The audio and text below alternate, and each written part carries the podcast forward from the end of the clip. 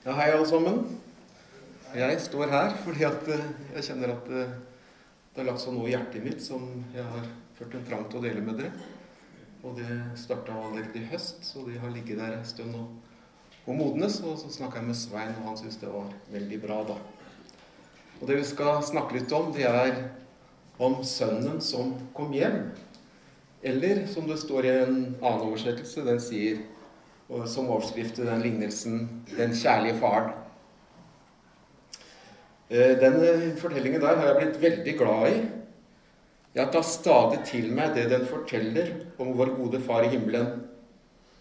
Også da vi brukte den i barnekirken, det var Asle og jeg her for et års tid siden, så opplevde jeg at den berørte meg.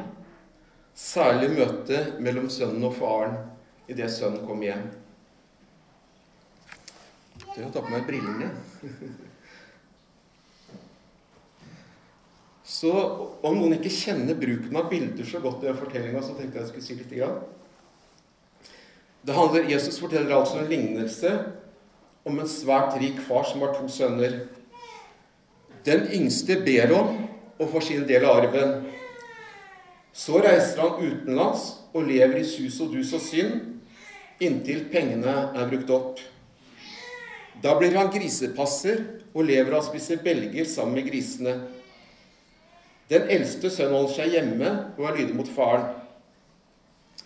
Og faren, det er Gud. Det er vel kjent for oss. Og du og jeg, vi er sønnene eller døtrene, om du vil. En av dem, eller kanskje begge to, det er det jeg sjøl opplever. At jeg er både han hjemmeværende og han som kommer hjem. Skal vi lese om den yngste sønn, som fortellinga handler om først? Det er fra Lukas 15, vers 11. Jesus sa en mann hadde to sønner. Den yngste sa til faren, 'Far, gi meg den delen av formuen som faller på meg.' Han skiftet da sin eiendom mellom dem. Ikke mange dager etter solgte den yngste sønnen alt sitt og dro til et land langt borte. Der sløste han bort formuen sin i et vilt liv. Men da han hadde satt alt over styr, kom det et svær hungersnød over landet, og han begynte å lide nød. Da gikk han og søkte tilhold hos en av innbyggerne der i landet, og mannen sendte han ut på markene sine for å passe grisene. Han ønsket bare å få mette seg med de belgfruktene som grisene åt, og ingen ga ham noe. Da kom han til seg sjøl og sa, Hvor mange leiekarer hjemme hos min far har ikke mat i overflod, mens jeg går her og sulter i hjel? Jeg vil bryte opp og gå til min far og si, Far, jeg har syndet mot himmelen og mot deg. Jeg fortjener ikke lenger å være sønnen din, men la meg få være som en av leiekarene dine. Dermed brøt han opp og dro hjem til faren. Da han ennå var langt borte, fikk faren se ham, og han fikk inderlig medfølelse med ham. Han løp sønnen i møte, kastet seg om halsen på ham og kysset ham, og fortsatte å, å overøse ham med kyss, som det står i grunnteksten. Sønnen sa, 'Far, jeg har syndet mot himmelen og mot deg. Jeg fortjener ikke lenger å være sønnen din.' Men faren sa til tjenerne sine, 'Skynd dere, finn fram de fineste klærne og ta dem på ham. Gi ham ring på fingeren og sko på føttene, og hent gjøkalven og slakt den, så vil, vi spise, så vil vi spise og holde fest. For denne sønnen min var død og er blitt levende. Han var kommet bort og er funnet igjen.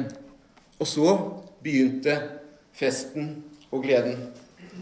Og da får jeg hive jakka. Og noen har gjort det ganske varmt her.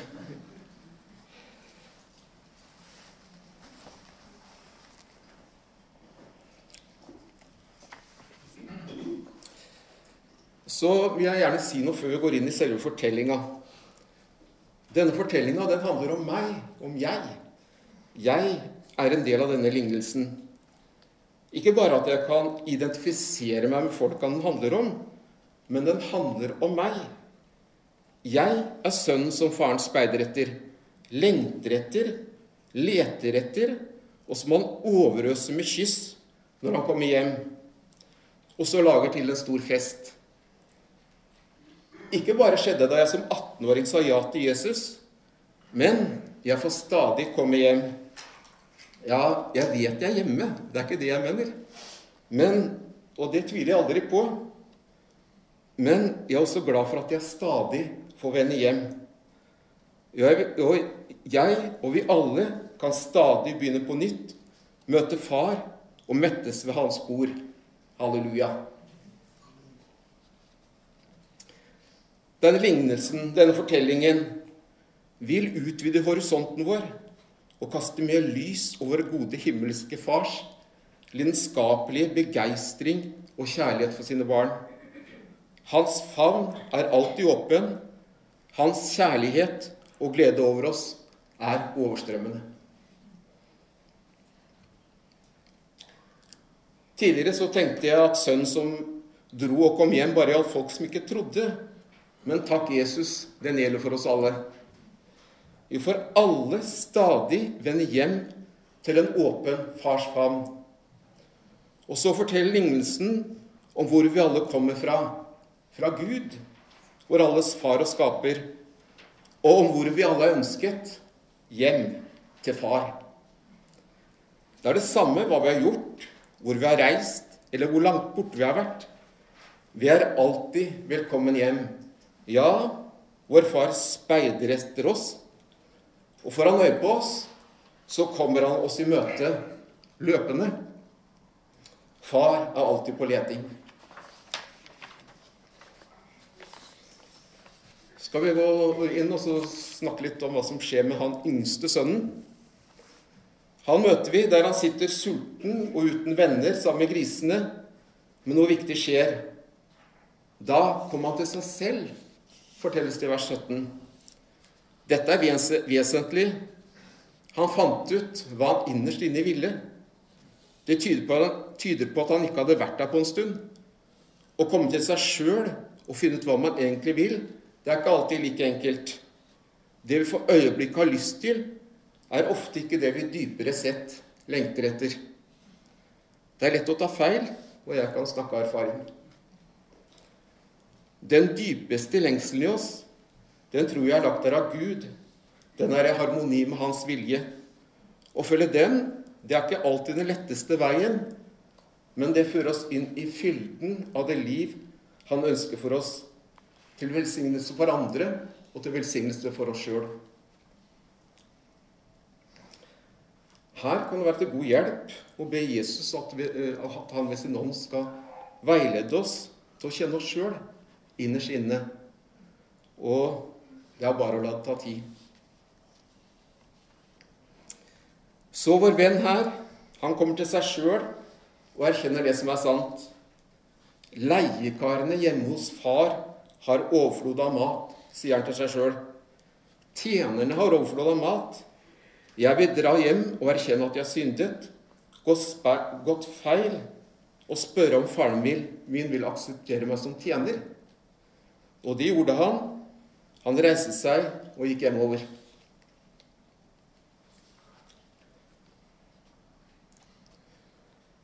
Det faren der hjemme er opptatt av, det er hvordan det går med gutten som dro. Sønnen, hans store kjærlighet. Kommer han hjem? Kommer han snart? Kommer han noen gang i det hele tatt? I Lukas 15, som er det kapittelet vi er inne i, der står det tre lignelser og alle tre dem handler om å finne noe som har kommet bort. Den første handler om hyrden som har mistet én av de 99 sauene sine. Han leter til han finner den, bærer sauen hjem, og da blir det fest. Det står også at han forlot de 99 for å finne den ene. Den andre handler om en kvinne som har mistet en av de ti sølvpengene sine. Hun leter til hun finner den, så ber hun naboene inn, naboene sine, og de gleder seg sammen over sølvpengene som ble funnet. Og den som leter, er selvsagt Gud, eller Jesus om du vil. De representerer jo alltid det samme. Jesus, med dette her, som vil fortelle oss noe viktig om sin far. Han er den som alltid leter etter oss alle. Ja, også vi er kalt til å være med å vise folk veien hjem. Og så har vi fortellingen som vi deler i dag, om en far og hans to sønner. Den yngste vender altså hjem etter å ha brukt opp alt han eide, skadet seg sjøl og andre. Sulten starter han på veien hjem. Så er et møte, et sterkt og viktig møte som foregår.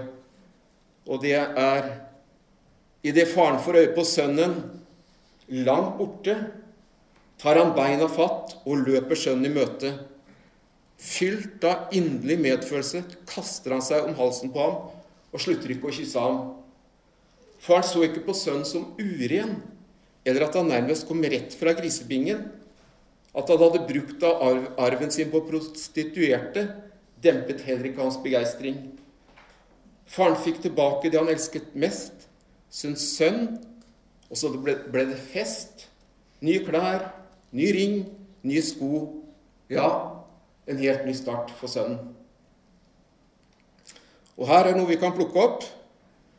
Faren fylles ikke av forakt for livet sønnen hadde levd, men av inderlig medfølelse.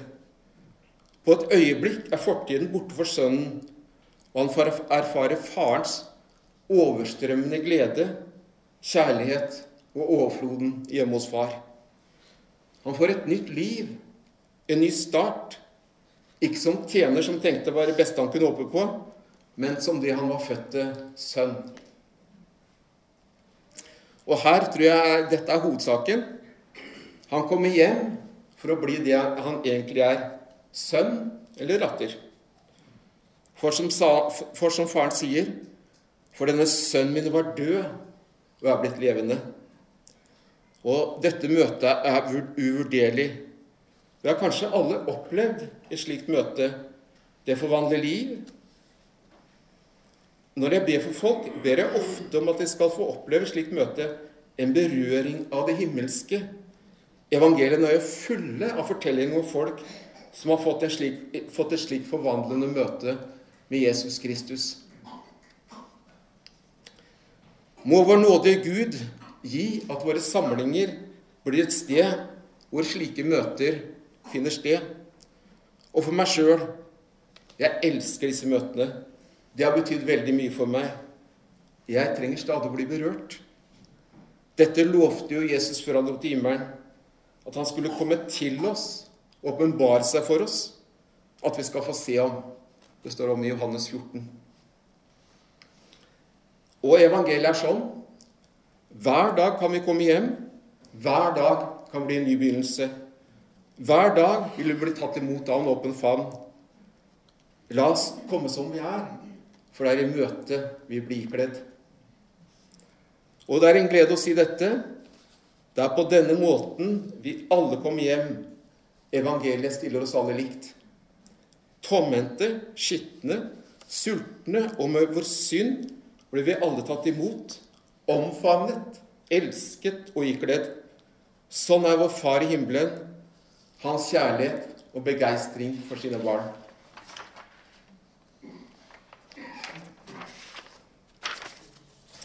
Og Jesus han har gjort det sånn at det der er mulig. Halleluja, skriver vi her òg. At vi i utgangspunktet alle er hans barn, det sier Bibelen sånn i Feserne 3,15. Han er den rette far for alt som kalles barn, himmelen på jorda. Det er fra 1988-oversettelsen og tidligere. Så jeg putta inn litt om bønna, for det syns jeg er veldig aktuelt i denne sammenhengen. her sånn. Har dere tenkt på at hjemme hos far er det overflod av mat? Ikke bare for barna, men også for tjenerne. Det er noe å tenke på når vi ber. Vi er sønner og døtre og kommet hjem til et hus med overflod. Sjøl minner jeg meg ofte på dette. Vi blir ikke tatt imot eller får noe fordi vi er bra nok, men fordi, fordi vi er de barna han elsker. Må han lære oss bønn og motta med et barns tillit. Akkurat det forholdet et barn som ber sin far om noe, bruker jo Jesus som eksempel på bønn. Heller ikke er det sønn at han ser på oss sånn som vi ser på oss sjøl til enhver tid. Det har vi veldig lett for å tenke. Nei, han ser den rene drakten. Han ser Kristus alltid. Skal vi lese litt om den eldste sønn?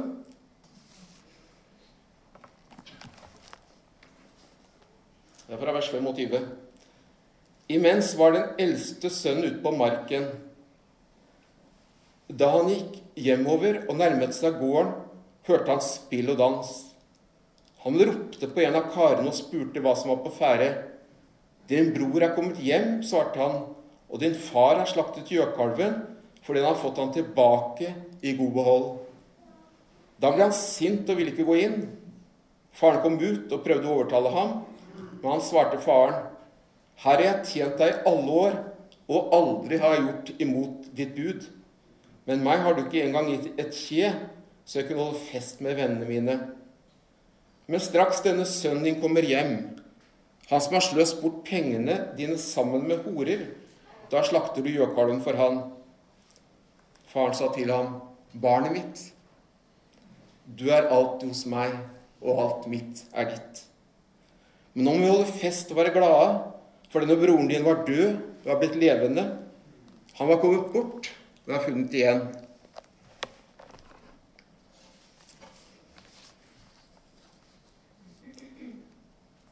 Festen for den yngste broren er i gang da den eldste kommer hjem. Det kan høres på lang avstand. Eldstemann får vite av en av karene hva som skjer, men det blir vanskelig for han. Han takler det ikke. Han klarer ikke å glede seg. Han blir sint og går i lås, som vi ofte sier. Og det er lett å kjenne igjen følelsen. Tilsidesatt, litt misunnelig, sår, ergerlig opprørt over hele situasjonen. Det er ikke lett å glede seg over hverandres lykke og fremgang. Det er heller ikke lett for noen å slippe sitt eget og bare ta imot, som et barn gjør. Slipp taket, vil jeg si til en. Det har hendt noen ganger opp gjennom livet at jeg har sagt det til meg sjøl, nemlig. Det er en kunst. Jeg tror ikke det er så mye å bry seg om at følelsene våre alltid ikke spiller på lag med oss. Det viktige er at de ikke får styre oss, styre livet våre. I slike situasjoner er det min erfaring at det er jeg som trenger å vende om. Det har også hjulpet meg å ikke ha så store forventninger til omgivelsene mine. Faren går ut fra festen for å overtale ham til å komme inn, men sønnen svarer, Her har jeg tjent deg alle år og aldri gjort imot ditt bud. Meg har du aldri gitt noe. Sønnen forteller faren hva han har prestert. Han har jo trofast gjort sin plikt i alle år og aldri vært ulydig mot faren. Du høres jo veldig bra ut. Burde han ikke få ros? Syns dere ikke? Det er ikke så veldig mange som kan si det om seg sjøl. 'Jeg har alltid vært lydig mot deg, far'. Men faren gir, gir ham ikke et rosende ord. Han sier, 'Barn, barnet mitt, du er alltid hos meg, og alt mitt er ditt.' Dette er kjernen. Han var sønn, han var barn, han var født inn i det. Det var ikke sønnens innsats som betød noe, men at han var sønn. Eller hadde barnekår, som det sto i tidligere bibeloversettelser. Og hva den eldste sønnen velger å gjøre, det forteller ikke Bibelen noe om, faktisk. Så hjemme hos far er dette som gjelder. Alt mitt er ditt. Og Gud gi at det stadig synker dypere inn. Alt vi mottar, er av nåde. Og Gud, fri oss fra alt kristent pliktarbeid. Jesus kom for å gi oss liv, og liv i overflod. Det han vil for våre liv, metter oss, gleder oss, forener oss. Det kommer innenfra, men det har jo naturligvis også sin pris. Gud gi oss å elske, så å tjene. Vet dere? Sønnen i grisebingen skjønte noe som sønnen hjemme ikke forsto. Til og med tjenestefolket hjemme har overflod av mat. Det var overflod, tilgang på så mye mer enn et kje som han elsket, elsket ønsket seg. Det var nok til fest for begge. Ja, det er mer enn nok for alle. Så skal vi kort bare se litt på hva Bibelen sier om Guds barn, for det er så veldig enkelt. Fra Johannes første kapittel og de 12. verset og 13. verset, som jeg drar litt sammen. Alle som tok imot ham, ga han rett til å være Guds barn. De er født av Gud. Tok mot Jesus, sa ja til han.